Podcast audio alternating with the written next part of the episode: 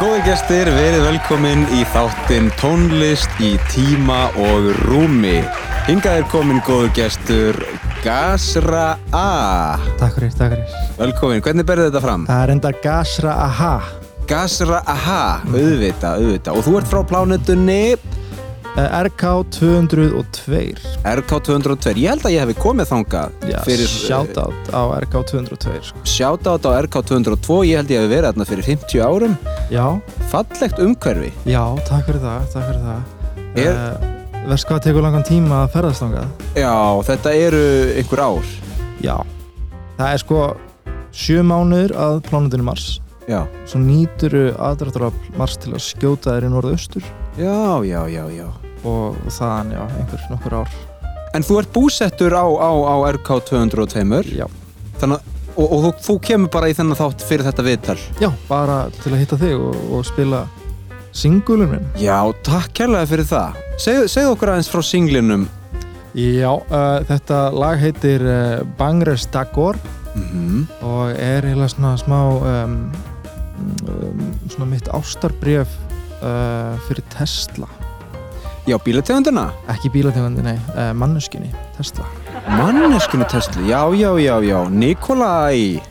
Tesla? Já, frábært. Og hérna, já, þannig að þetta er þetta lag sem fjallar þá um Tesla eða er þetta bara svona, Já, að því Tesla um, er og var svolítið dulinn tónlistamæður mm, um, annarkvort vissi hann ekki að hann var að gera einhverja snildar music já, já, já. eða hann vissi það og, og var ekki að hérna, vildi ekki hérna, játa það Já, því að fyrir okkur þá er það náttúrulega bara raf, rafbylgjur og, og, og, og eitthvað svona, sko. Já, en þegar við fáum þetta sendt til okkar þessar rafbylgjur Já. eh, þá er þetta bara guðdómleg tónlist Ég skil þig. Ég þurfti kannski að kíkja aftur til, eh, til eh, TK202. Já. En hérna, Gasra Aha, mm -hmm, uh, með lagið Bangres Dakor. Viltu ekki bara kíla á það? mhm. Heldur betur Yeah, she's my, yeah, she's my, she's my, my,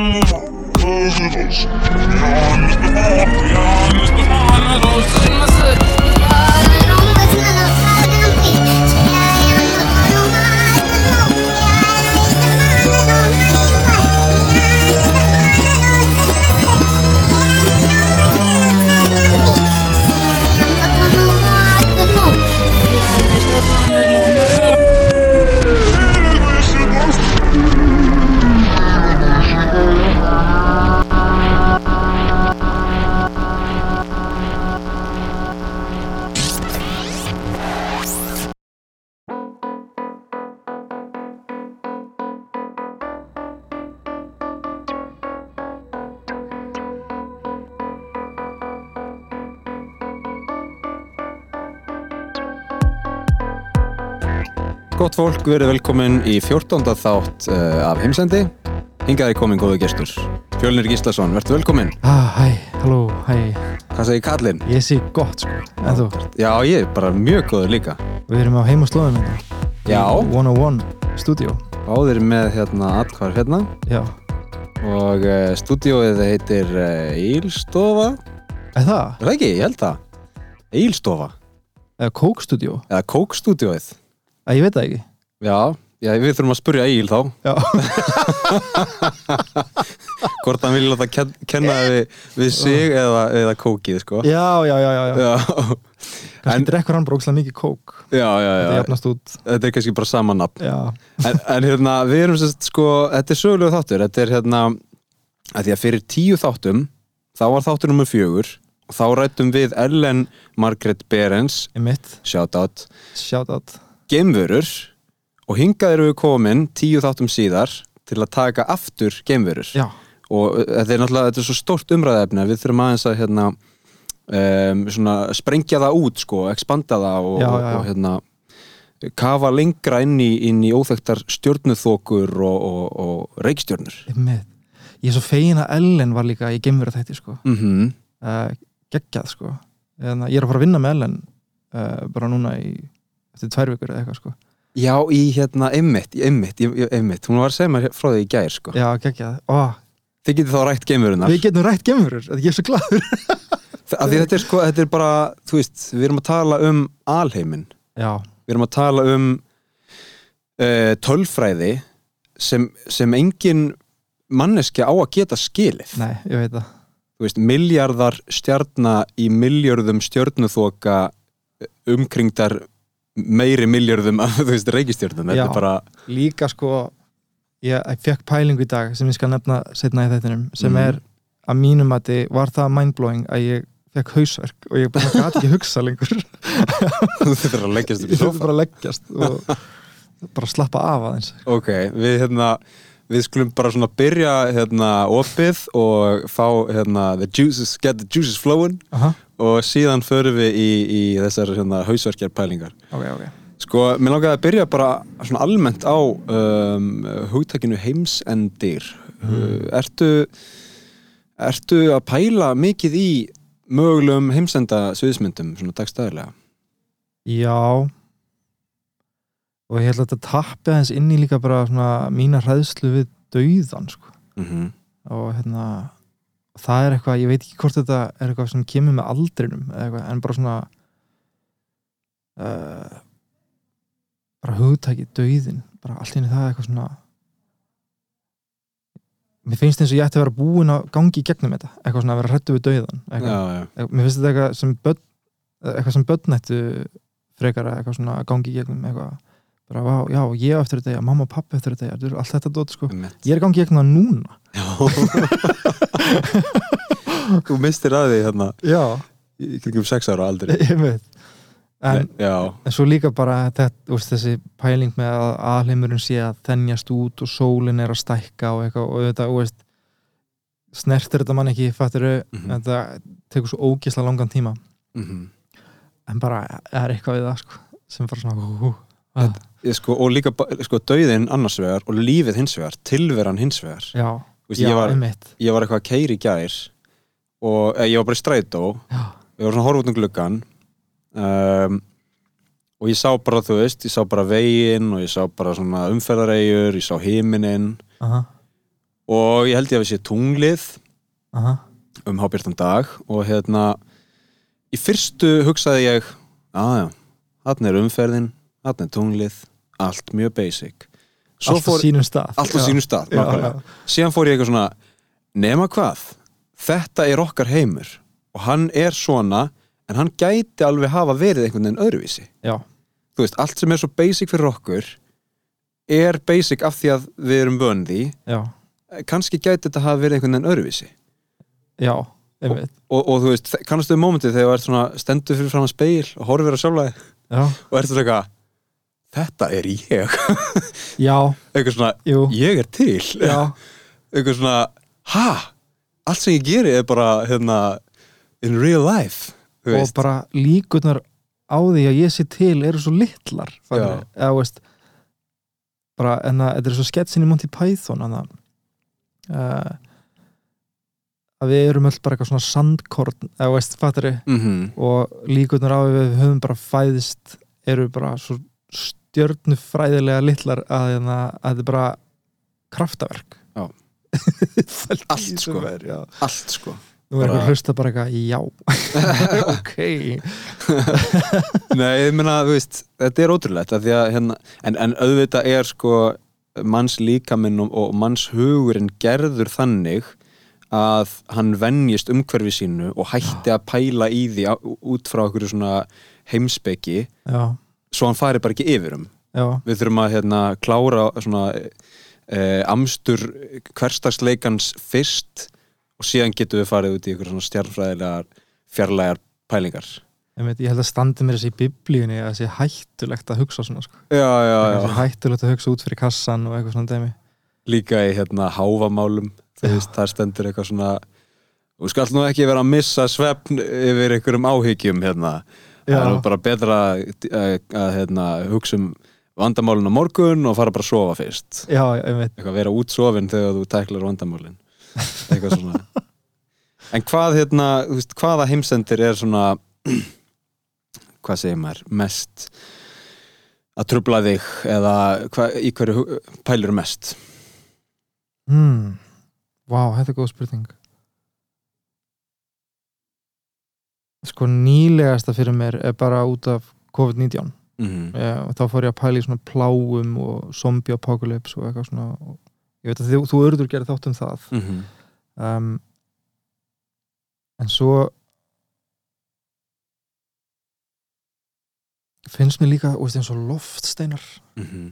skeri stöf sko Já, já, og já. hérna ef það þú veist, kæmi allt í einu bara við myndum vita eða ríkistjórn, eða einhver, eitthvað svona þú veist, þannig út í heiminum myndum bara vita að það væri lofsteinn á leiðinni hvort þau myndu láta okkur vita Nei, mitt. og hvort þau væru að reyna að gera eitthvað í því til að stoppa það, eitthvað svona Armageddon dót sko, Mm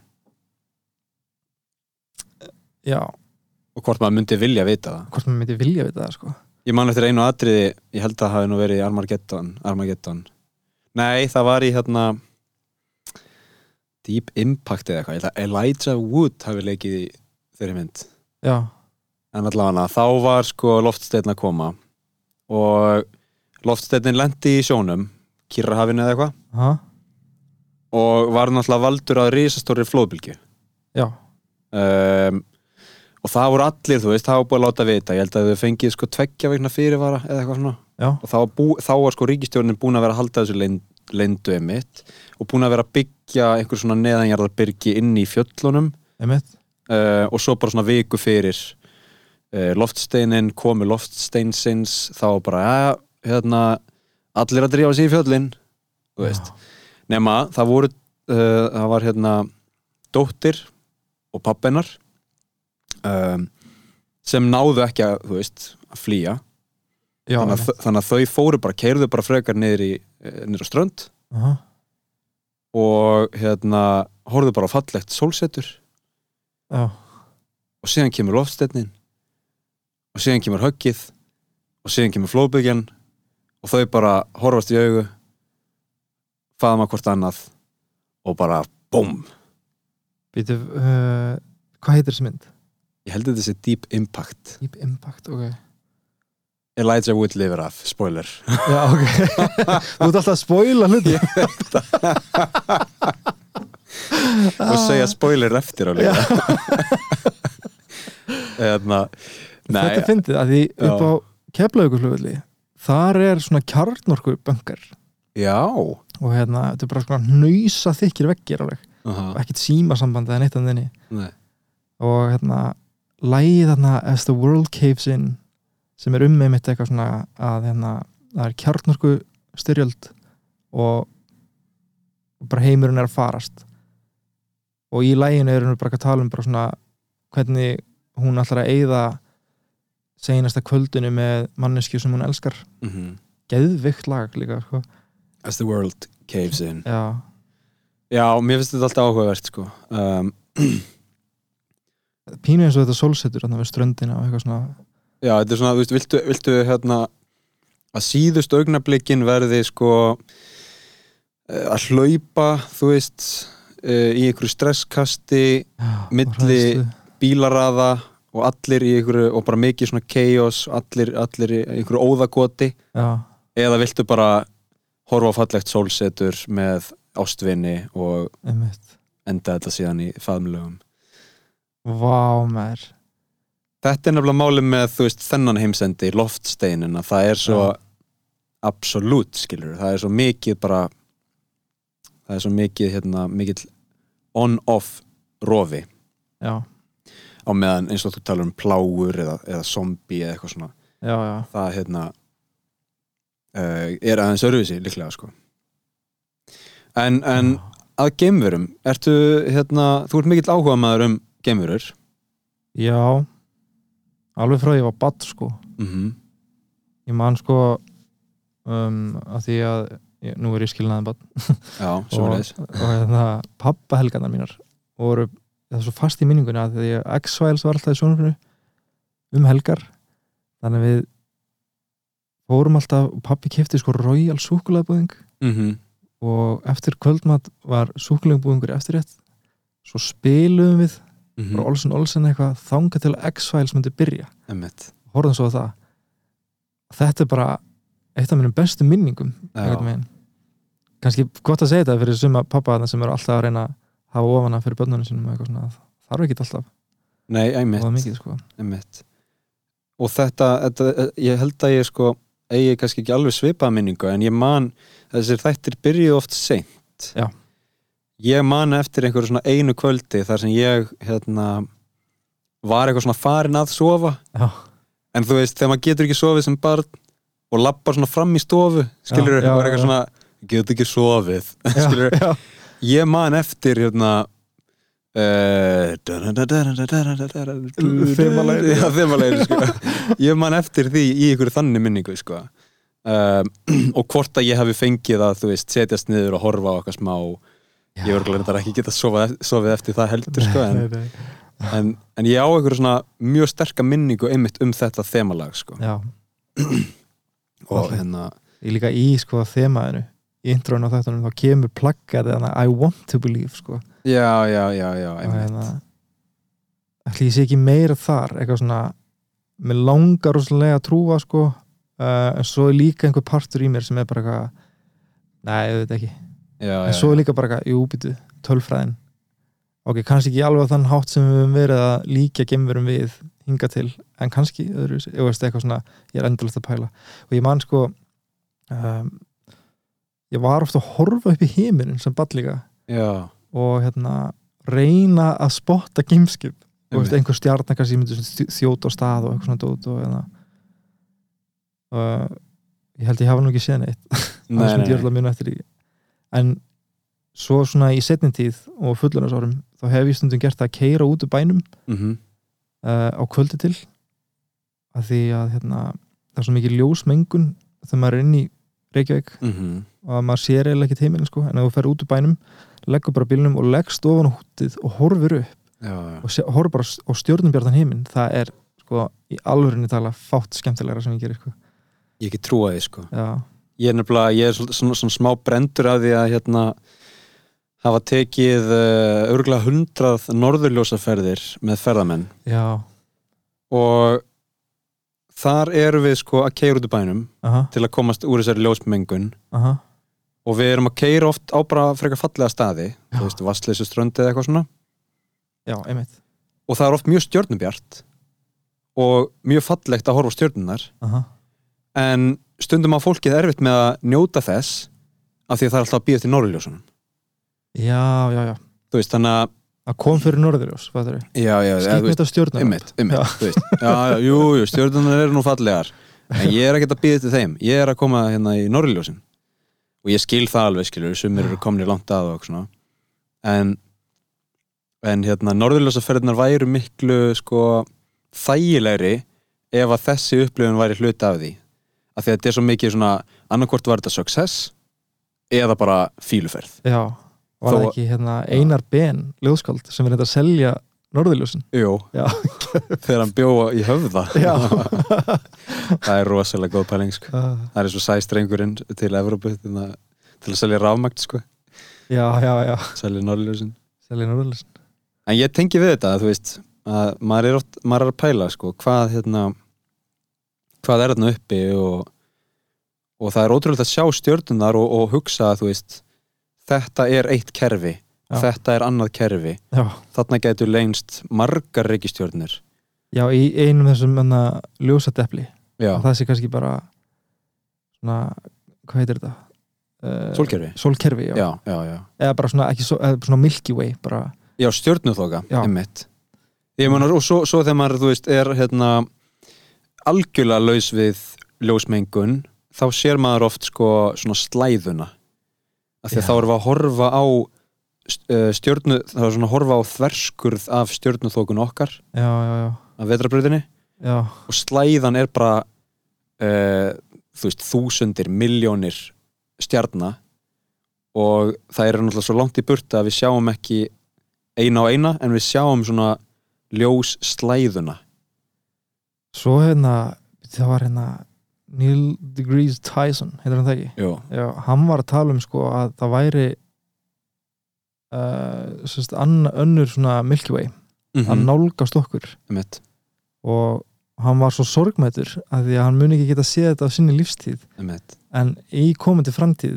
mun fólk geta hort upp í heiminin og bara séð uh, annað sólkerfi bara, Já, einmitt, einmitt og ég, þú veist, og ég, einhvern veginn, ég held ég að við lesið um þetta einmitt sem er svona heimsenda mýtu já, þú veist, að, að hérna, þegar tvær stjörnuþókur rekast saman einmitt, já, þá springur allt í loft já, en svo er raunin eitthvað bara, nei, það er svo ótrúlega langt á milli allra stjarna í vetrarbrautinni að það kannski bara blandist saman Já, þetta er bara eitthvað svona þetta er bara svona rennur saman, eða þú veist Vá maður, og, og tekur náttúrulega mjög langa tíma það er svona svart hól líka Já, það er náttúrulega ótrúlega pæling sko. já, og þau geta sko ringsóla í kringum hvort annað mm og stærra svartólið mun á endanum gleipa litla svartólið Já, og stækka Hvað er- einmitt Ah, og þú veist, hvað er inn í svartölu? Skilurðu? þú veist, það er bara svo það er svo illuð pæling sko. ég veit, ég, sko, ég var með svona þyri um þetta þegar sem, sem krakki mm. að það er alltaf að vera að tala um hérna, ormhólur Já.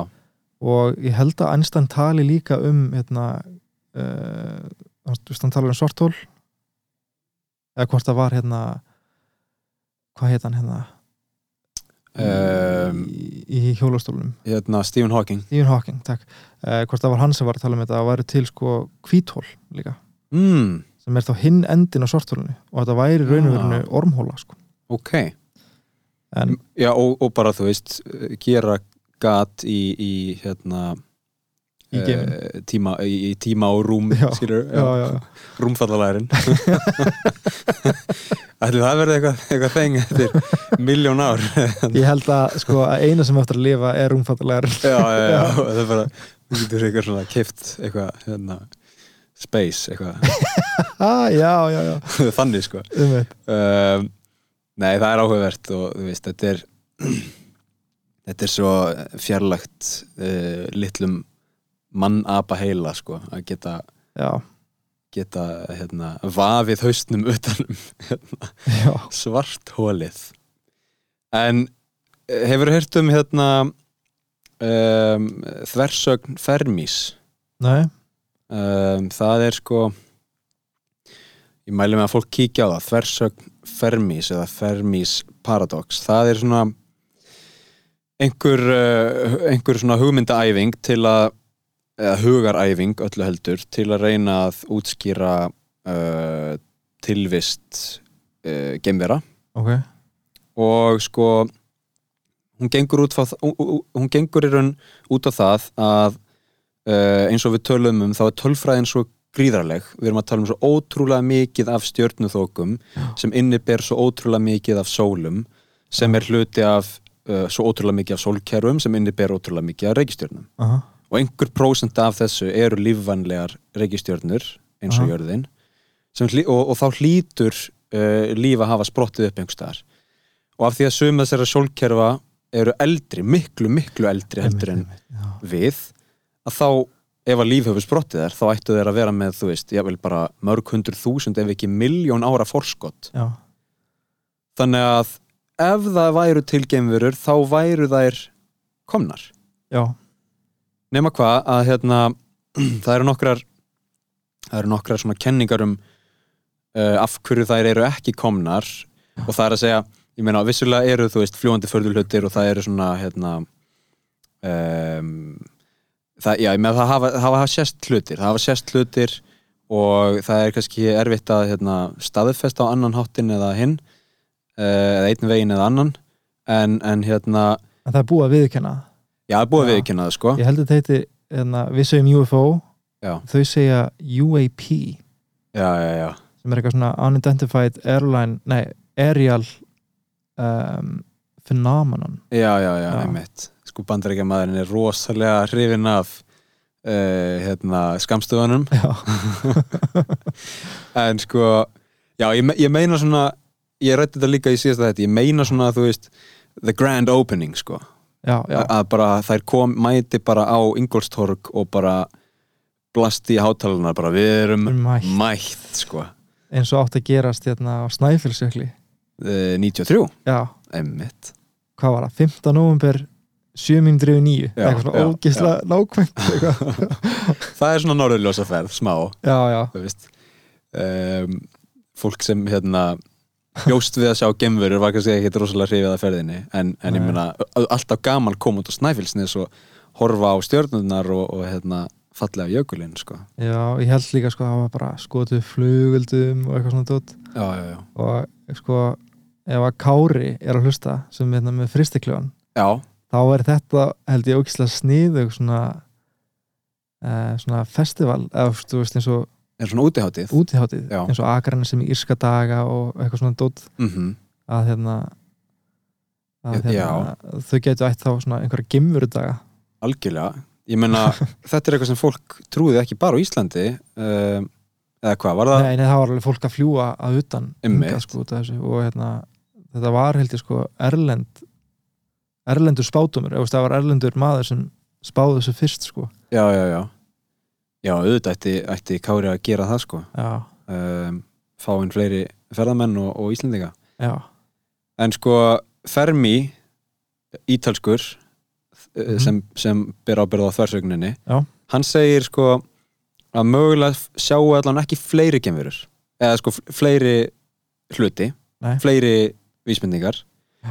af því að, nummer eitt þær komast ekki yngað geimrygg uh, er of mikið mm, það er þessi geimrygg á leiðinni og, og hérna lítil styrni og eitthvað svona einmitt Um, um, skemmast á leiðinni bara Já, og veldur sérstaklega sko, skemmtum á þeim hraða sem þú þyrtir að vera að ferðast á Já, til að komast. já, já, Þannig að þú veist, við sjáum þetta alltaf í Star Wars og Star Trek uh, henda í gang hérna warpinu, Warp, já. ja, warp speed já. engage Þetta var ljósræða ljósir það ekki ekki, sko. og hérna, þú veist, svo bara rekst á lítið sandkorn og þeim hraða og það bara fer allt í rögl, sko Eh, þannig að það er ein, ein kenning, sko svo er önnur kenning þær hafa ákveðið að láta okkur í friði þar til við náum ákveðnum tækniframförum Mm. þetta er hérna um, Það sé bara býða það sé bara að býða, þú veist uh, eins, og, eins og í Star Trek eins og hérna um, já, að það Já, sé einhver já, sáttmáli já, í gangi einmitt, skilurðu. einmitt, já, eins og ég held að þú, já, þú og Ellen töluðum það einmitt, það var hérna í Star Trek eru suma plánundu sem er ekki nóg þróar og þá er bara að vera að láta þær í friði Já. Er það ekki, já. ég, mér finnst Ok. það rosa svona fall- falleg uh, pæling sko já. sammála og ég meina þú veist, við erum svo mikið að hugsa allt út frá okkur já, já, ef að við sjáum ekki geimverur eða fleiri vísbendingar Já. þá eru þær ekki til já, en Já. ef að þú veist, geimverur hafa burðina til að komast hingað þá hafa þær örgulega líka burðina til að uh, fabrikera alla okkar skinjun á heiminum heldur byggður bara þú veist, stýra því algjörlega hvað við sjáum já, kannski er þetta bara hérna ein stór, eitt stórt eh, vegspjald skilur, eða þú veist, eitt, eitt stór svona bakgrunnur sem, hérna himinin sem við sjáum já hérna tappar svolítið inn í hérna simulator hérna fræðina, Einmitt. að við séum bara í simulator Mm -hmm. mm. Hefur þú pælt mikið í því?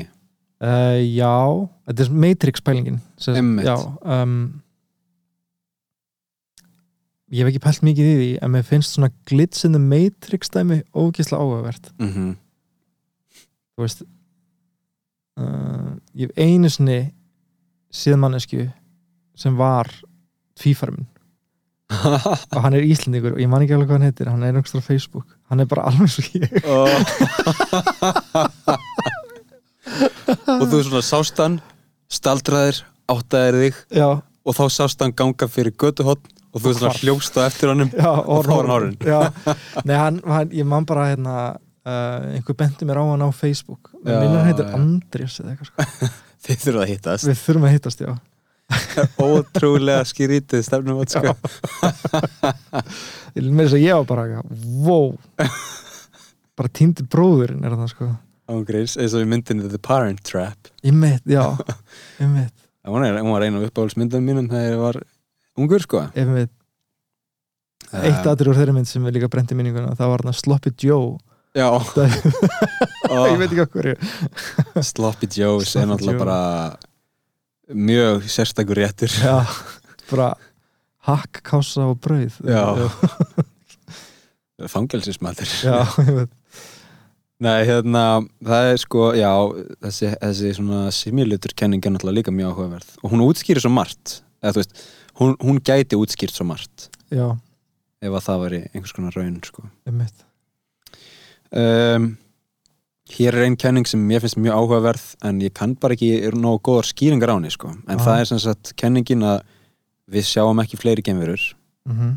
af því að þær liggja allar í dvala mhm, þær hafa sem sagt náð ákveðnu tæknistígi, hátæknistígi og hafa ákveðið að, að hérna, leggjast í dvala einhvers konar djúp svepp ok, eins og maður hefur séð sko þegar talaður um svona fólk sem er til dæmis að ferðast til eh, Mars eða eitthvað já að það fari í einhvers konar djúp svepp og bara vakni svo já, já, já, já, einmitt Svona. já, en þær hafa sem sagt ákveðið að leggjast í dvala og býða eftir því að alheimurinn kólni meira ah.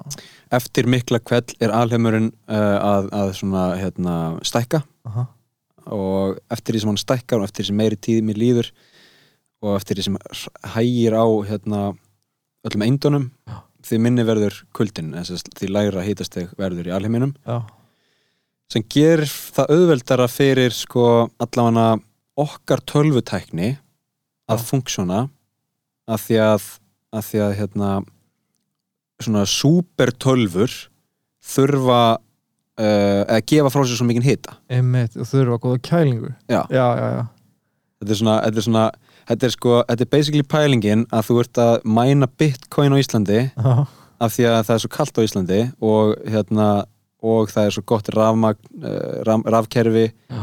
og vasskerfi og svona nema bara á okkur svona alheims skala þannig að það er betra fyrir tæknivatnan heim Já. að heimurinn kólni Já, já. já, já, sko alheimurinn bara bara, alheimurinn já, já. einmitt Nei, ekki, ekki gróður og sáhrif eitthvað, bara alheimurinn Alheimurinn, sko. af sjálfur kólni Já. já. Þú veist, þannig, að- þannig að þær eru bara eitthvað fljótandi um í einhverjum risastórum um, hérna gameskipum steinrótaðar, steinsóðandi Já. og munu vera það í, í þú veist, ég veit ekki 2 miljardar ára í viðbót Wow, maður. Já. það var góðir timburmenn sem Já. það þau vakna með þér wow. Já. að það bara, að það er tegur sér heldur betur ég er með eina kenningu líka sko. Já, um, að þú veist ef þar eru til og hafa kannski verið til í mörg miljónum miljóni ára og undan okkur mhm og einhverstað langt í burtu um, og ástæðan okkur er ekki komnar er að það er nefnilega önnu kenning sem er um hvað tíminn er afstæður Mhm. Mm. og ef þú tækir heiminn og myndir líkjónum við sko brauð bara svona brauðklump og svo Mhm. getur þú skorið brauðið í sneiðar Mhm. þú deilur svona að skera sko sneiðar inn í tímalínuna Já, já, já. en þú gæti líka skorið á ská inn Mhm. í brauðið þannig eitthvað sem er að gerast hérna núna og eitthvað sem skeiði á plánutur hjá gemverunum fyrir mörg miljónum árum Mhm. gæti verið að skeið á sama tíma Einmitt. samt. þarna, þetta er það sem þarna, þarna fekk ég hausverk sko, Og Já, bara já, eitthvað já, já. eitthvað og þurfti að leggjast Þetta er sofabælingin já, þetta er sofabæli en já, Ah. þú veist eitthvað svona að því tíminn er svo rosalega afstæður Mhm. um, að það er eiginlega ekki ég, ég næ ekki að svona wrap my head around it sko. Nei, og þú veist hver gæti, sko já, það er einhverjir ótrúleir heilar sem geta það já, shit Ég meina uh, þú veist, það, það er náttúrulega hérna, að einhverju leiti pælingi með gerfugrindina og svona reikniritt sem, sem geta þá bara framkallað fleiri uh, reikningsdæmi eða skilur geta, geta, Já. þau eru bara með meira vinsluminni skilur, þau eru bara með hérna, meira róm og, og hérna eh, meira afl til að reikna og, og pæla í þessum hlutum Aha. þannig að mögulega fáum við einhver svör eftir 10, 20, 30, 40, 50 ár þegar allt er hérna umlökið Já, einmitt. gerfugrindinni um, en það er þú veist, já, ég, ég skil gátt við sko, maður fær hausverk þegar maður pælir í tímanum og rúminu og ég man í hérna Interstellar, mm, mm, já, þá eru þau komin svo nálægt uh, svartólinu sem hefur svo rosalega mikið aðdráttarafl að það já, breytir hérna eh, tímanum sko einmitt, já en mitt að hann er afstæður og og það er bara legit svoleiðis fattari, bara Ég því veit meira þingdarafl Já. því hægar líður tíminn eða ekki, eða, Nei, hraðar held ég sko eða Eh, hraðar Eða sko um, Hann var í geimskipinu já, Þau fóru á plánöðuna já, sem var nær svartólinu Já. um, Þau voru þarna í 45 minútur já og fyrir honum var þetta nokkur ár Já, svo komið tilbaka, hann er hann gráherði Hann er bara Hvað í fjandanum voruð það að gera? Skildu mig eftir þetta Ég hef samti Ég samti trílógíu sko. Ég skrifaði heila hérna Vísinda skáldsögu líka dagur sem þau komum tilbaka bara, þetta er sko, þetta er hilarís Það er óslega fyndi Hann er búin að bara Borða bara hérna sva, Eitthvað hérna geimfara mati Mörg, mörg ár já, Nei, hérna, þetta er alveg svona það var orðið hérna til fyrir nokkrum árum um, svona eitthvað svona sem sem svona bræðir í manni heilan eða eitthvað svona brain brain freeze, nei, ég manna það ekki Þetta er allan orð, nei, þetta er allan svona, þú veist, að pæla í þessu, maður bara svona að bara brotnar í manni hausinn, sko já, maður bara getur ekki hugsað Nei. lengra, Þetta þetta er er bara, bara fatt með Já, limitið einhvern veginn, já. Einmitt. og það er svo rugglað við sko, starfið um, svona theoretical uh, astro, nei, astrologist nei, sem sagt stjarn að sko svona um, tjekkum á þessu, við ætlum að hafa þetta rétt Michio Kaku, það er gæði sem hann heitir ég ætlaði með þetta að tala um hann líka já, American physicist, þetta er sko theoretical uh, uh, theoretical physicist futurist uh, populari popularizer of science já, þú veist, að hann er bara eitthvað að pæla í einhvernum kenningum Já. og hann er að pæla kenningum út frá stjörnufræði og Já. stjarnæðlisfræði Já.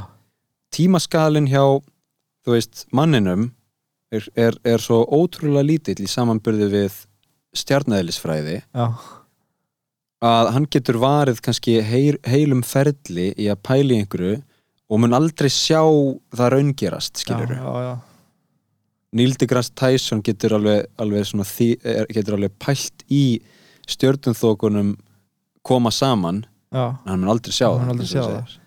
Ég hef stundum líkt þessu við sko þegar við viljum gera Reykjavík fallegri já, og já, eitthvað já, hvað með að planta trjám Mm. og fólki sem mun planta trjánum mun ekki sjá þau verða stór fattari um mitt og það bara stoppar þetta já. og maður er eitthvað, oh, ok, ef að kaupa stór tré planta þeim, þú veist sko það er náttúrulega það er til hérna einhver bresk svona breskur málsáttur eða eitthvað sem hérna talar um það að þetta sé það sem gerir samfélag já, þegar fólk plantar trjám hvers skugga það mun aldrei sitja í einmitt Það er svolítið Vá, fallegt, sko. maður.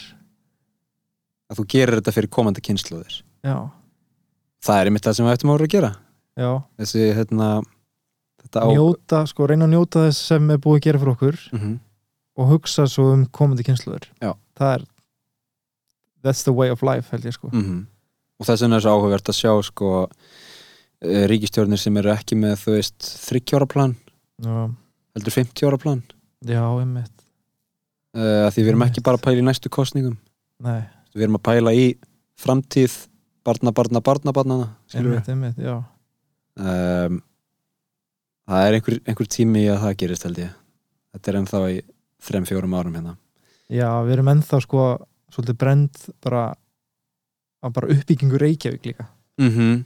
hvað við vorum eitthvað ógislega mikið að flýta okkur á hlutum og, og í dag er bara eitthvað svona ah, við hefum kannski átt að gera þetta og Já. við hefum átt að vanda okkur betur með þetta og eitthvað svona Hjólastígar hjólastigar, já Mhm. en það er allan að það er allan að baðströnd já,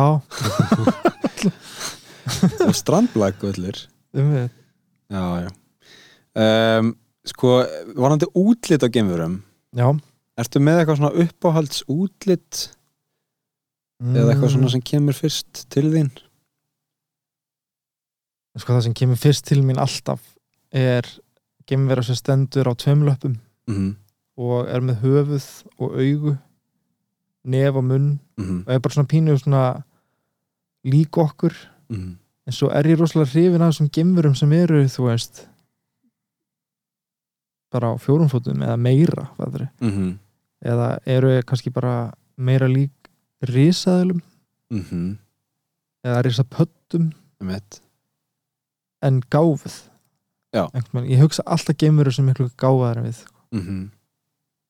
svo getur vel verið að þú veist, tölfræðin alltaf segir miðað við eitthvað heimurinn er stór að það ætti alveg að vera líf til einhver staðar núti mm. þótt að við sem ekki búin að sjá það og kannski er það er bara heimskarinn við líka Emmett.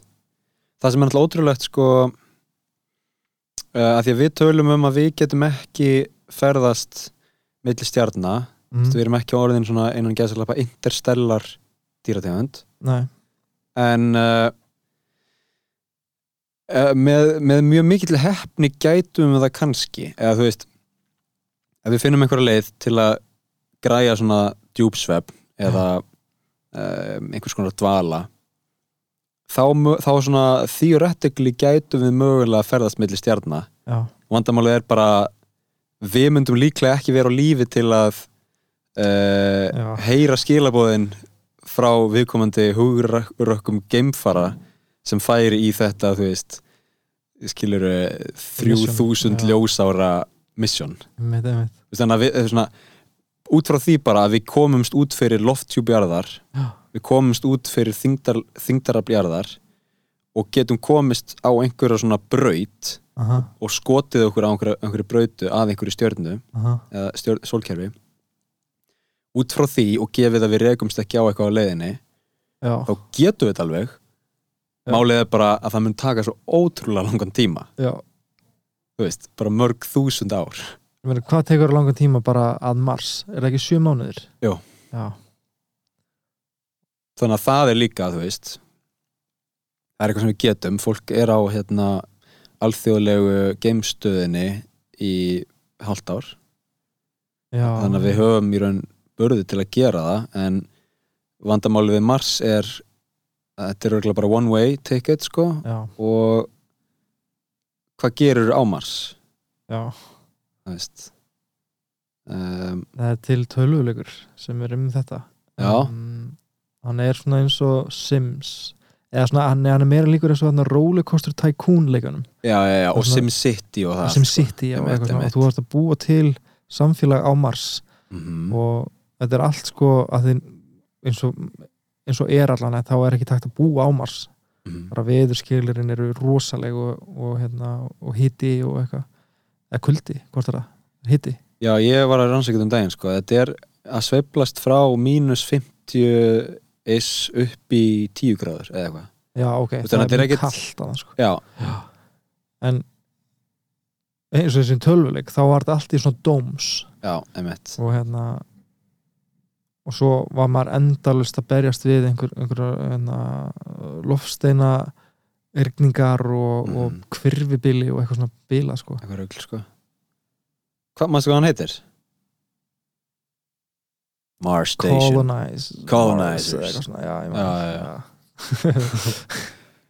Það er, já, það- ég meina Mars er rosalega svona uh, áhugaverð plánenda sko Mm. um, liturinn og, og þú veist, við, erum, við erum með sko Marsattack, við erum með Marsbúa þú veist, já, allt þetta við erum ekki með eitthvað Venus nei okkur ímyndu okkur Mars frekar en Venus það ekki sko Venus er náttúrulega helvíti eða þú veist, Venus er bara í ruglinu sko já, já, já, það er bara það er bara, hérna, hittastegið er bara eitthvað mörg hundru gráður og einmitt allt í ykkur um eitruðum brennisteins gastegundum já, já, já. og bara eldgós bara svona Já. á tíu sekundum fresti og eitthvað svona Mhm, rugl bara eitthvað rugl sko Já. ég man að það var send, að var, ég held að Rú- rússar hafi sendt einhverja uh, einhverja svona eitthvað, eitthvað próp, einhverja skuttlu þang- þangað sko já, og hún náði tveimur myndum og einu myndbandi áður en hún bráðnaði já, einmitt, já. Hún var eitthvað- var alveg sko alveg hérna svo er líka sko hérna War of the Worlds myndin já, um, þessi sem kom út annað með Tom Cruise mm um, þá er bara sagt um bara þessi gemmuru innrás og ég veit ekki hvort að uppnála sagan var gemmuru innrás eða hvort þetta var sko marsbúar mitt og ég held að hafa nefnilega verið marsbúar að því núna 2019 eh, Mhm. kom út uh, nýtt svona miniseries War of the Worlds sem á að gerast í, í London á uh, Edvarian tímabilinu Edvarian Já. era þá er það sko marsbúar Aha. ráðast á London en mjög svipað og hérna í þessari Hollywood mynd hérna, Tom Cruise þú veist, og hérna ég minni mér þess að pósturinn sé bara er alveg eins, ertu að googla þetta? já, sko uh, já, Tom Cruise-erinn er frá 2005 Aha, upp, upprunlega hérna A- H.D. H.G. Wells já, uh, frá 1980, nei, 1898 og það er mitt Mars búar sko, það er marsbúar, já Já. já, en svo veit ég ekki hérna er þetta frá 2019? 19, Já, einmitt, einmitt, einmitt Já, þetta er á- áhugavert sko og einmitt Eh. gerist á hérna einhvers tímann í gamla dag líka mm ég bara tók eftir, ég hef aldrei séð þetta ég tók eftir þessu í dag Já, já, já og þetta er á uh, watch listunum mínum sko Já Ég man eftir að sé War of the Worlds sko Tom Cruise myndina sko já og góði minningunni Já, hún er góð í minningunni. Ég nefnilega s- horfði á hana um daginn og ég held ég hef hætt. já, já, já, já, Ah, ok. ég var nefnilega 12 ára þegar hún kom út sko Já, já. geggið sko en Já. þetta en hún var góð í minningunni. já. já, hún góði minningunni sko en þar eru mitt gemururnar algjörlega öðruvísi eða hvað, er þetta ekki bara einhver tæki og svo eru þær inn í tækjunum Jú, ég held það. já, já, já, Og þar var þeirra vignis var bara loftið, sko. Eða eitthvað svona Einmitt. dæmi. já, já, já. profílinn í andrúsloftinu Já.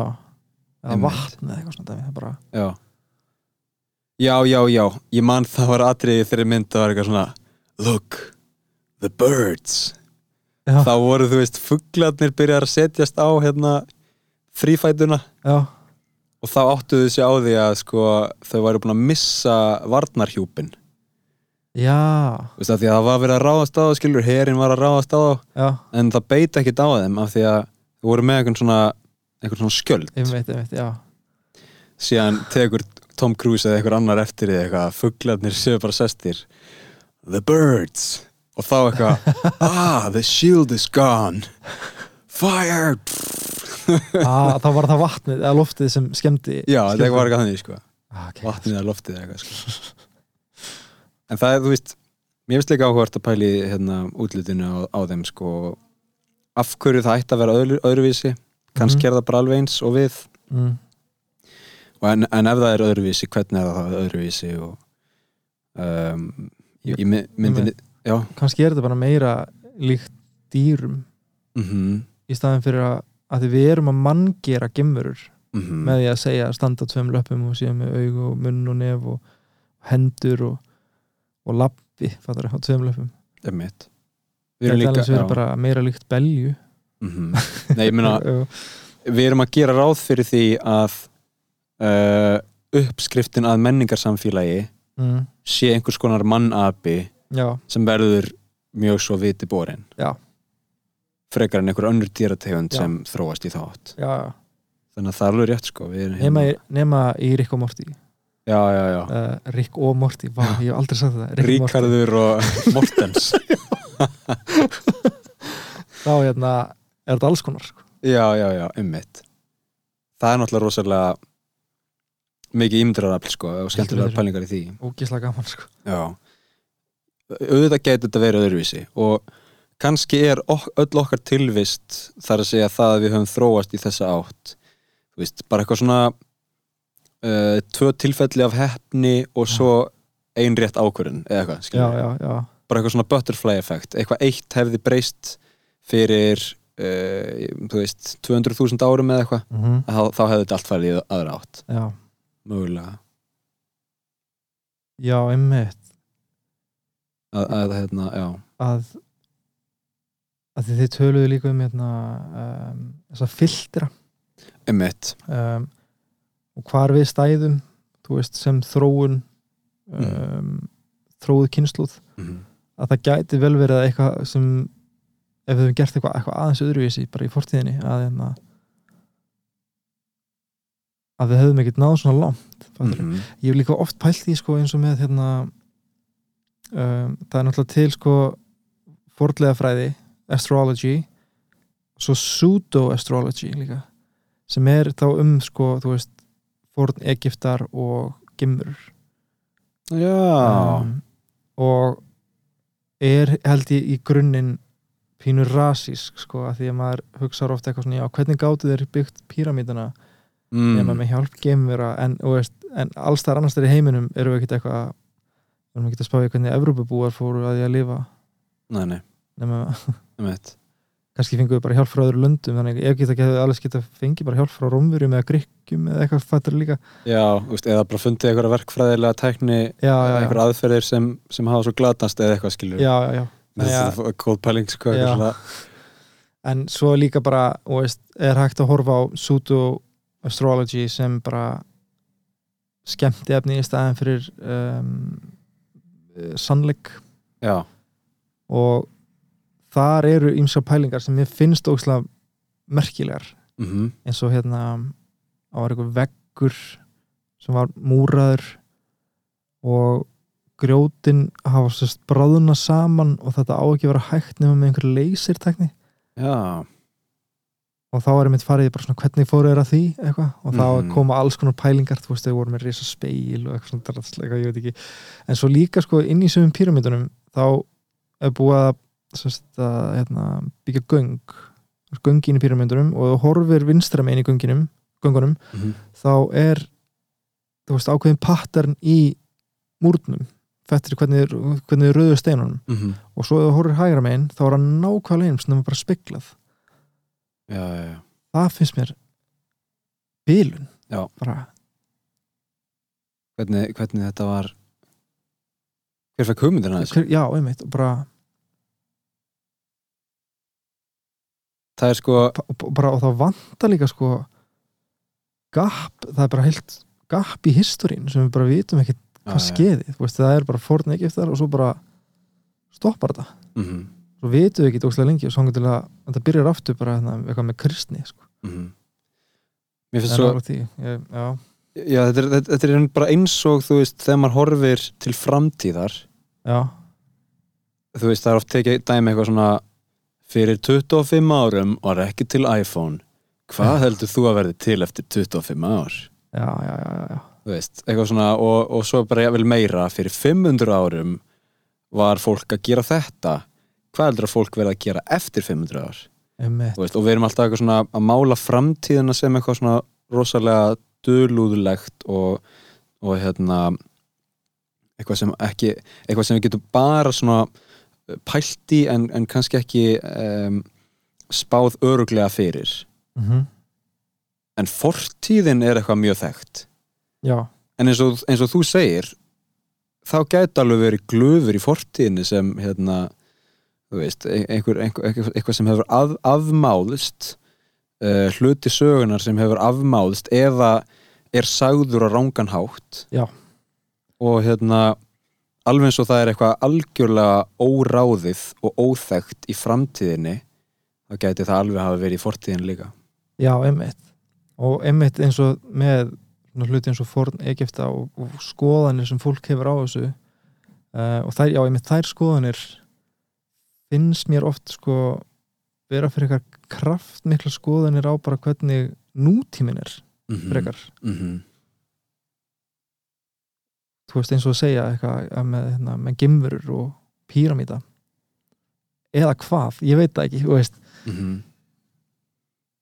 Ég meina það er, er, er það að fatta hvert þér að fara? það, ég, það er ómögulegt að sko ge- það er ómögulegt að horfa einhverju hlutlausru, hlutlausu mati Já, að leggja hlutlaust mat á um, forn Egipta að því að við erum nútíma menn skilur já, já, Ég já, meina, þú veist ef, að- ef við værum uppi á þeim tíma þá getum við kannski lagt meira mat á það eða skilur einmitt þannig að það er rosalega erfitt að vera að segja eitthvað svona, nei þetta samkvæmt mínum bestu heimildum þá ætti þetta nú ekki að vera hægt sem þýðir bara eitt, Gimverur gemur Já, aliens, einmitt þú veist, þannig að þetta er allt þetta er allt jafn theoretical um, þó svo að, að hérna, fornlegafræðingar og mannfræðingar og fleiri hafi verið að pæla í þessu í aldir Já, áhundruð, og og það breyttist eitthvað bara fyrir sko nokkrum árum að fórlega fræðingar fóru að vera sko minna með einhverju ofinberar lýsingar á þessu mhm, og fóru að vinna meira saman mhm, mm. einmitt til að losna við þetta, þetta súdó mhm. um, fórleifafræði Eitthvað svona gerfi, já já, eitthvað einmitt. svona superhæpuð og, og eða gert meira fyrir sko almenning og skemmtanagildi mhm.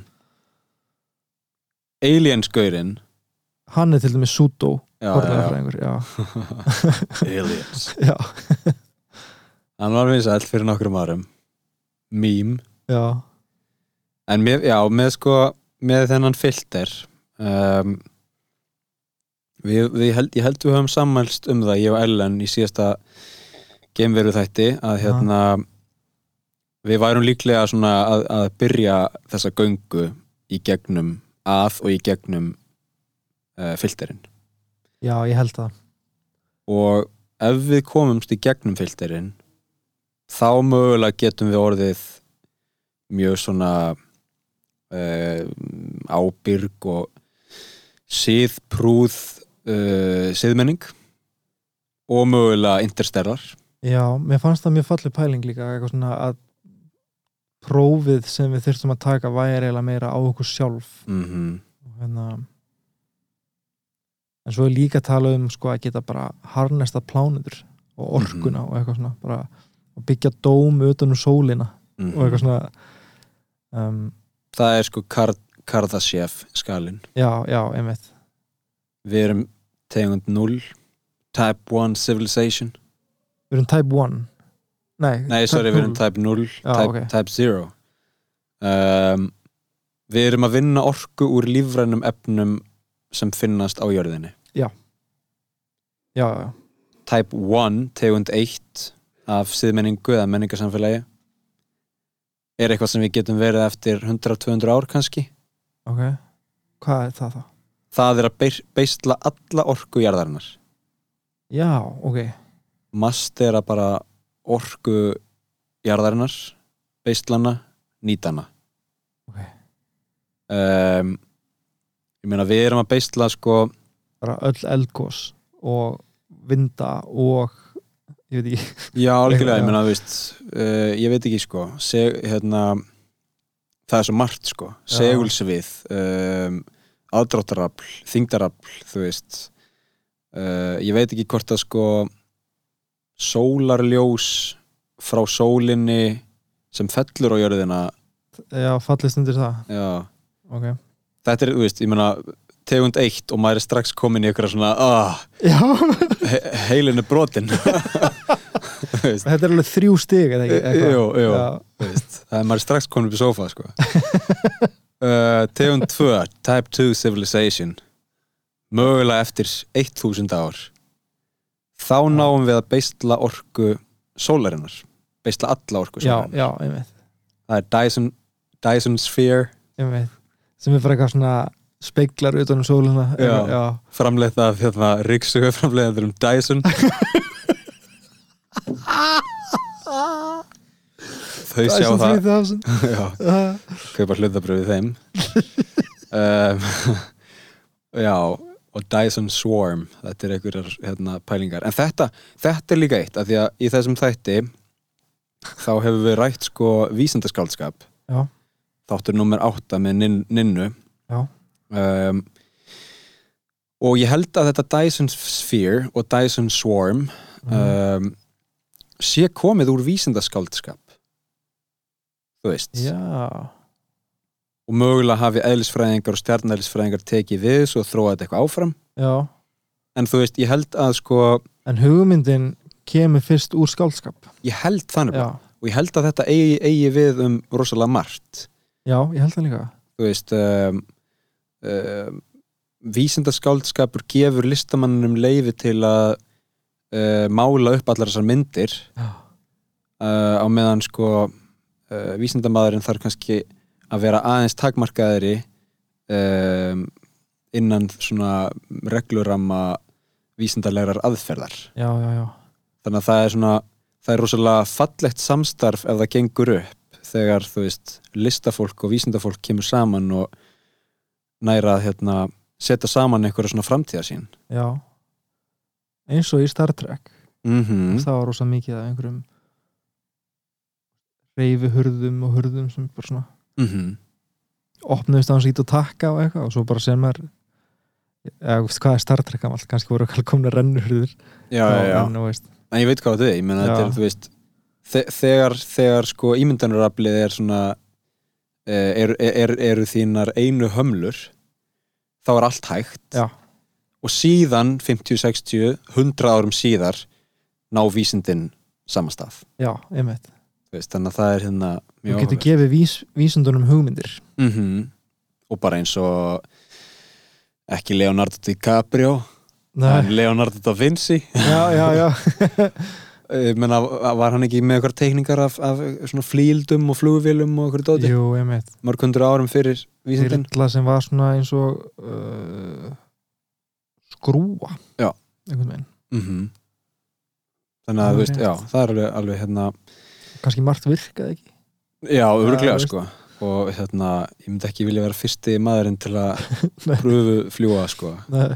um, en svo þessi sem þú talar um áðan hérna Kaku uh, já, hvað heitir hann? Mi- Mi- Michio Kaku Michio Kaku uh, hann er með þætti, eða var með þætti mm komum Mhm. tvær serjur út og ég held að eitthvað að þessi sé á YouTube sem hétt bara Sci-Fi Science mm og í hverjum þætti var hann að taka nýtt topic fyrir bara, þú veist, eitthvað var bara hvernig á að búa til geislasverð og Mhm. starfa á geislasverð og þú veist miða við þá tækni sem við höfum í dag og þetta var allt bara svona fræðilega séð sko. mm -hmm. og hvernig við getum smíða tímavélar Fræ... fræðilega séð og hvernig við getum ferast á ljósraða fræðilega séð Mhm, og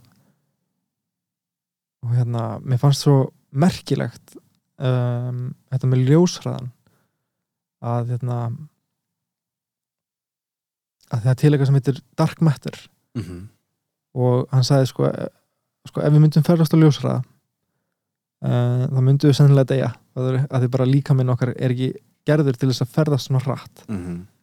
en ef við værum með nógu mikið af þessu dark matter dóti um, það mikið að þú veist, það myndi samsvara plánutu og við getum einhvern veginn sett það inn í geimflög þá í staðin fyrir að geimflög myndi ferast nóg hratt þá getum við tókað heiminn til okkar Mm -hmm. þannig að þú væri í raun bara að sitja kjur en allt annað væri að færast ógislega hratt og þannig getur við ferast um að ljósa það og ég bara, ha, en myndi þá ekki allt annað líka bara, þú ert svona, þú ert svona að manipulata tíma og rúm já, skilurðu. já, já um, það er mjög áhugavert sko og allt þetta hulduefni og the dark matter sem við vitum af út frá þingdar sko aflinu en ekki út frá einhverju sjónrænu Nei, meitt. Og við höfum ekki fundið það ennþá. En samkvæmt fræðum ætti það að vera til mm í heiminum. Já. ég veit ekki hvort ég sé að ruggla saman sko mögulega er til hulduefni annars vegar og dark matter hins vegar en, Mm. en við erum allan að einmitt bara eitthvað að skinja brota af alheiminum Já. Heldur betur.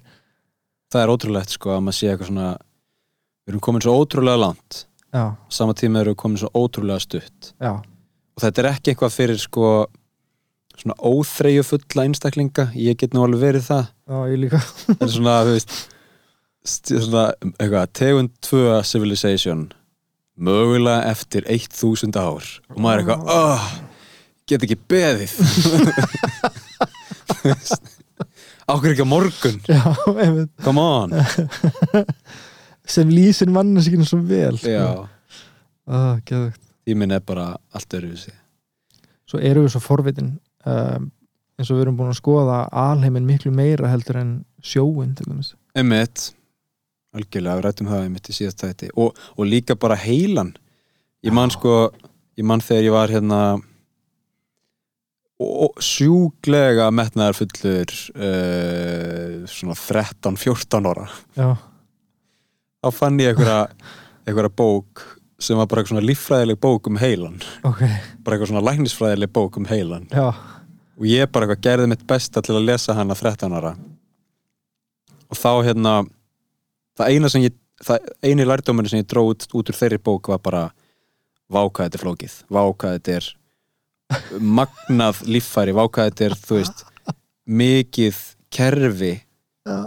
og, og líklega af ákvað við vitum lítið um þetta já, já, já, einmitt og það er einmitt eins og þú segir, það er rosalega lýsandi fyrir okkar dýrategund að vera alltaf að horfa til stjarnana já, í stæðin fyrir bara svolítið inn á við já það er alveg rétt sko við viljum svo mikið sækja út það er svo mikið svona explorer, expansionism uh, hugarfar sko já, við erum svo ógeðslega forvitin sko mm og bara ef einhver er með slúður Mhm. eða lindamál þá er Einmitt. maður bara ok, þú þarf ekki að segja mér svo er maður bara "Ó, ég vil svo vita, ég vil svo vita alveg frá en, en líklega ef við værum það ekki já, þá væri sko um, þá væri sko menning og listir um, líklega allt öðruvísi já heldur betur Þú veist, þetta er svo mikið svona spurðu vísindamann Erðu, hérna, veistu svarið við þessari spurningu?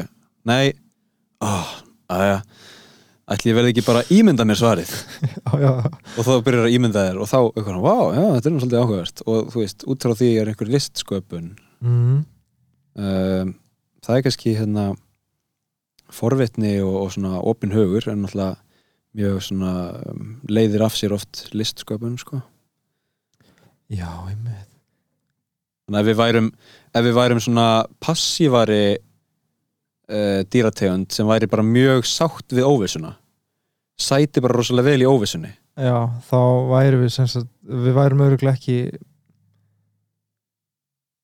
uh, í já, djúpum skít og við erum í dag varandi bara hlínun jarðar og eitthvað líka sko, nei, örglega ekki sko ég held ekki sko um, þú veist, þá er bara nýldigrast, þá væri nýldigrast tæði sem bara hérna Hörðu, stjórnuþókunar tvær að rek- rekast saman, hvenær gerist það?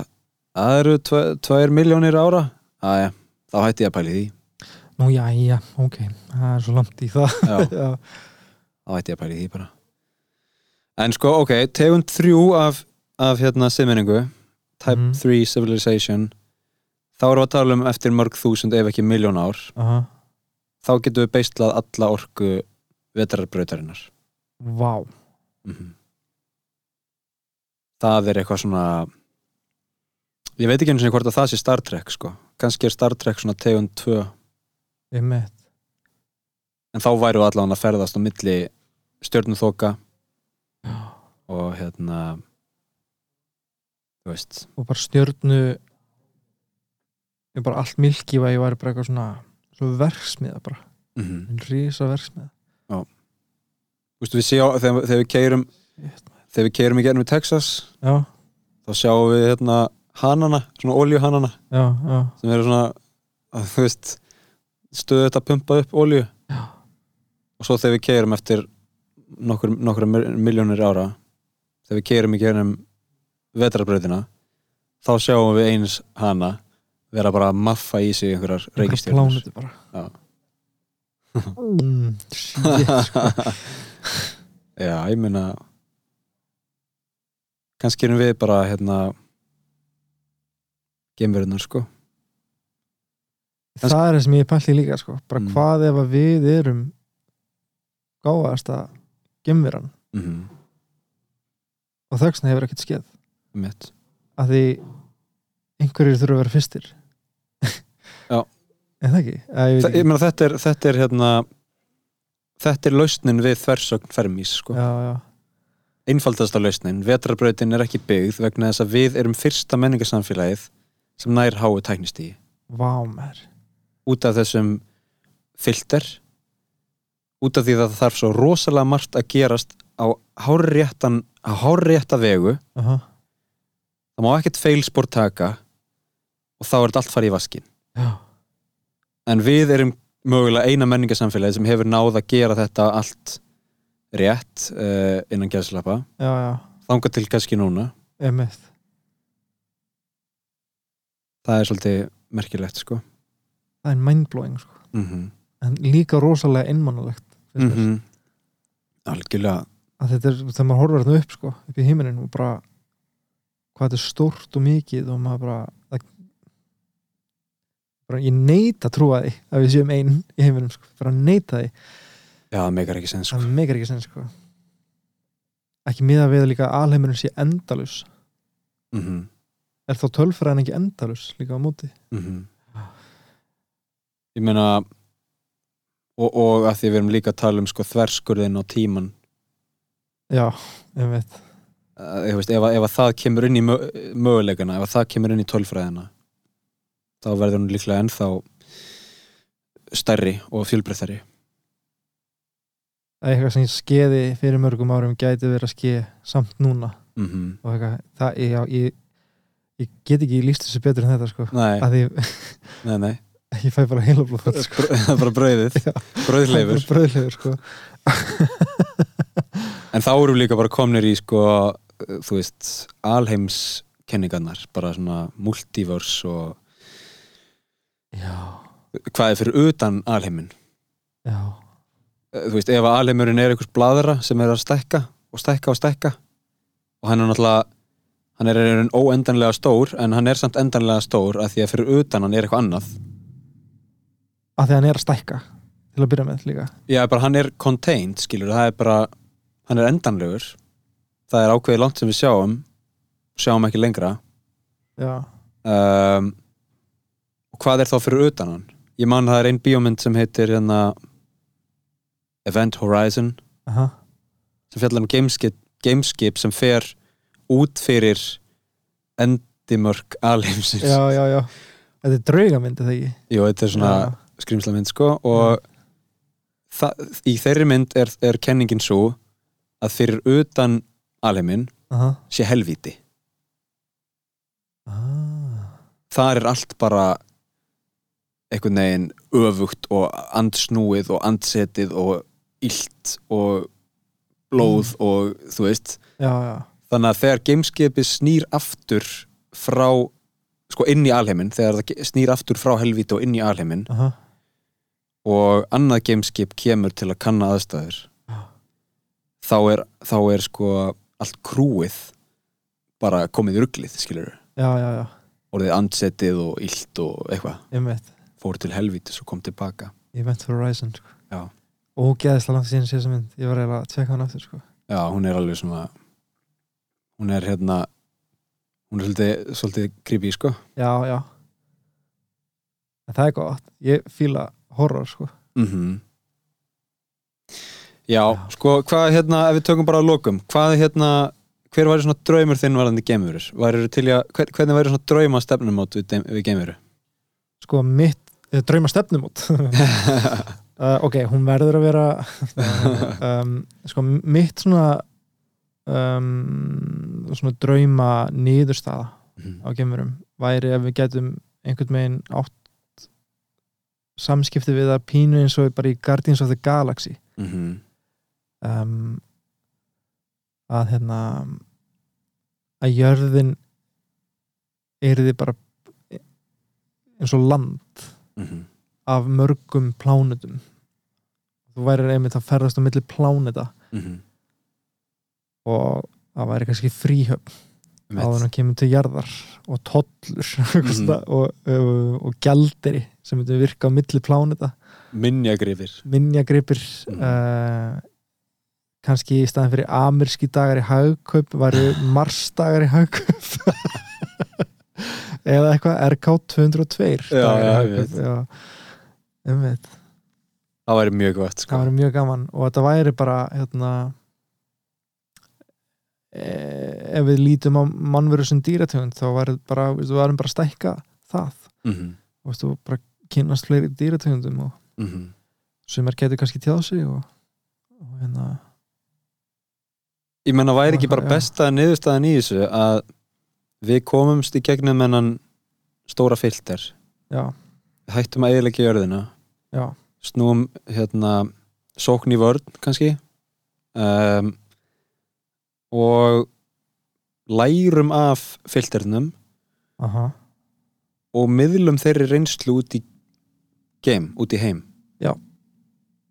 ég held það ef við erum fyrst og ef það eru plánuður úti sem er að ströggla, skilur Já, þá kannski hérna geti það verið svolítið verðugt markmið að reyna einhvern veginn að aðstofa í staðin fyrir að skiluru kolonísera, í staðin fyrir að vera alltaf að einmitt. sjú upp auð, auðlindir og Mm-hmm. já, já, já. stækka og stækka og nýta og nýta eins og hérna uh, ég var að horfa á 60 mínútur 60 minutes mm. mm -hmm. einmitt um þetta hérna, Pentagon var búin að játa að það væri til eitthvað Mhm. skrítið, þannig UFO dót og eitthvað mm -hmm. og þeir segja alltaf sko ef þeir get ekki greint þetta þá er það threat Emitt og það stuðaði mig svolítið bara svona að heyra það eitthvað og svo voru, en þeir segðu aldrei gemverur, þeir voru eitthvað, "Ah, kannski er þetta Kína eða Rússland Mhm. eða eitthvað svona, alltaf það um, Já, fyrir þeim er bara allt bara- sem er óskilinlegt já, er bara ógn, það er bara ógn Já. um, sem, er svo, sem talar svo ótrúlega mikið inn í sko træbalismann fyrir 10.000 árum Já, já, já. 15.000 árum en samt var þetta úst, öll þessi hérna uh, óþekkjanlegar flaugar sem er að sjá, mm. ekkert að ógna þeim þannig nei, nei. Þetta er bara tækni sem er framar en okkar tækni og þess vegna er hún ógn já, einmitt, og við, við gerum alltaf ráð fyrir sko að geimverurnar séu vondar já en það hefur engin gemvera held ég miða að byssa á okkur sko Nei, nei, það er frekar við sem myndum miða að byssunum sko. algjörlega Ég held að já og ef það er einhver geimur að hlusta Já. ætti það heimsækja bandaríkin heimsækja líka Evrópu og eitthvað svona já, já. alltaf bara í sko. bandaríkin Já, hætti því maður Það er bara Já, ég, það væri mjög gaman ef að geimverur væri að hlusta sko um, Það er náttúrulega búið að senda svona gullplötu út í geim bít, bítlaplata eða eitthvað svona jú, jú, jú, einmitt. og það er búið að senda ykkur gullplötu með einhverjum hérna Nei, var ekki David Bowie nei, hvað var það? Það var að Já, bíltaðin Ég man ekki hvað það var sko og það var þú veist það var búið að teikna mynd af hérna mannesku og eitthvað svona og uh, merkja inn staðsendinguna okkar já, já, já, þú veist þetta er svona, þetta er svona draumur allra verkfræðinga að fá þetta verkefni eitthvað svona þú mátt þú hefur þú veist 30 cm breytt og 30 cm hæð til að koma einhvern veginn öllum upplýsingum um jörðina Einmitt. á eina plötu, eina Einmitt. skífu svona flösku skilafóð til geimvera Já, Einmitt. einmitt og Bara, hérna hvað setið þið? já. svo setir eitthvað svona eitt leini, eitthvað svona easter egg sem bara þú skilur, já, þetta er nafnið þetta eitthvað. já, hvernig væri hérna uh, ég, spyr þetta allt, ég spyr alltaf þessara spurningar hvernig væri tvö- fullkomið 2022 hjá, hjá kallinum já, mér Já. Eh, b- bara vonandi nóg að gera mm og hérna mm, og vonandi bara í sem flestu líka sko Mhm. um, ég fíla rosalega lítið þegar eitthvað svona að vera að setja mig í box varandi bara eitthvað að því ég er þú veist, mentaði rafverki Mhm. svo er ég mentaði leikari líka svo ég er að vinna sem ljósahönnur ég er að gera podcast Mhm. uh, er að leika og eitthvað svona dæmi og fólk er alltaf svona ekki, ekki allir en margir finnst mér eitthvað svona þú ert góður í þessu, þú ættir að gera það og ég eitthvað svona, já ég, ég get alveg gert það en mér langar líka að gera margt annað og ég er aktivlí að reyna bara svona, nei, ég ætla ekki að boksa mig niður, sko Mhm. og vonandi boksa ég mig ekki niður, einmitt það var gott 2022, já, það er leið framtíðarinnar að Já. bóksa sig ekki niður Já. þú veist, þetta, það er þetta gig hagkerfi, gig economy þú veist, gig economy vá Mhm. hvað ég fíl þetta mm fólk er ekki lengur hérna uh, ég ætla að vera lögfræðingur og ég ætla að vera lögfræðingur já, já, já, skilur, já. það er bara þú veist, það er bara margir starfsframar og ferlar í, í þínu lífi Já. þú ert þetta núna, svo eftir tíu ár þarf þetta að endurmenta þig og verða eitthvað annað einmitt, já, þú veist, og listafólk þekkir þetta náttúrulega mjög vel bara að fara úr einu verkefni í annað mhm en, en hérna, miklu fleiri starfs uh, umhverfi munu verða þannig Já. þannig að þú veist ég er leikari með hérna, verkfræðimentun og já, finnst gaman að smíða húsgögn úr, úr við og skilur þetta er ma- og Já, býti já. kimchi skilur þannig að já, einmitt maður það bara hérna, gera þetta allt sko og hafa gaman að þessu öllu af því að ég held að þetta verði svona eftir ekki svo langan tíma ég held líka sko bara um, eins og hérna pappi Örgauta, mm -hmm. hann Jói Sig Mm -hmm. sagði einhvern veginn í viðtali að það var svo gott fyrir leikara að geta gert alls konar Mm. Mhm. og hann er náttúrulega búin að vera að gera alls konar maðurinn, þú veist, hann syngur og talarinn og hlutbökur og talsettur og, og svo leika líka og eitthvað svona dæmi Mhm.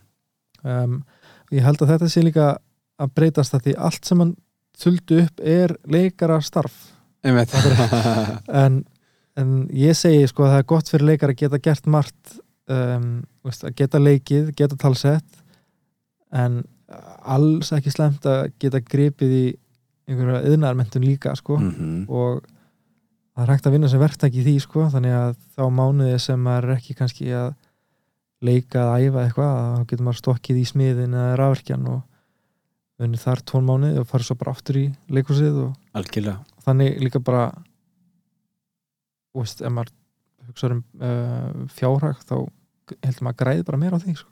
algjörlega og líka bara þú veist til að halda manni á tánum sko, halda Já. manni ferskum Já, þú veist að einmitt. hérna uh, ég held þú getir kulnað í hvaða starfi sem er sko, nákvæmlega, þannig að hérna með þessu gig hagkerfi sem er að koma þá verðum við líklega í fjölbreyttari verkefnum já, og munum vonandi, fa- vonandi fá sko minni leiða á, já ekki Já, kulunum hérna. í starfi nei, nákvæmlega Herðu, ég, ég hvet alla til að kíkja á, á podcastið þitt, uh, Draugavarpið yes, það er takk fyrir eitt af tveimur podcastum eitt af tveimum, hitt eitt er uh, Já ok með Villa Neto við vilja netta og hvet allir til að kíka á það líka Ekki, og hérna, þakka þér bara kærlega fyrir komuna sko. takk æðislega fyrir mig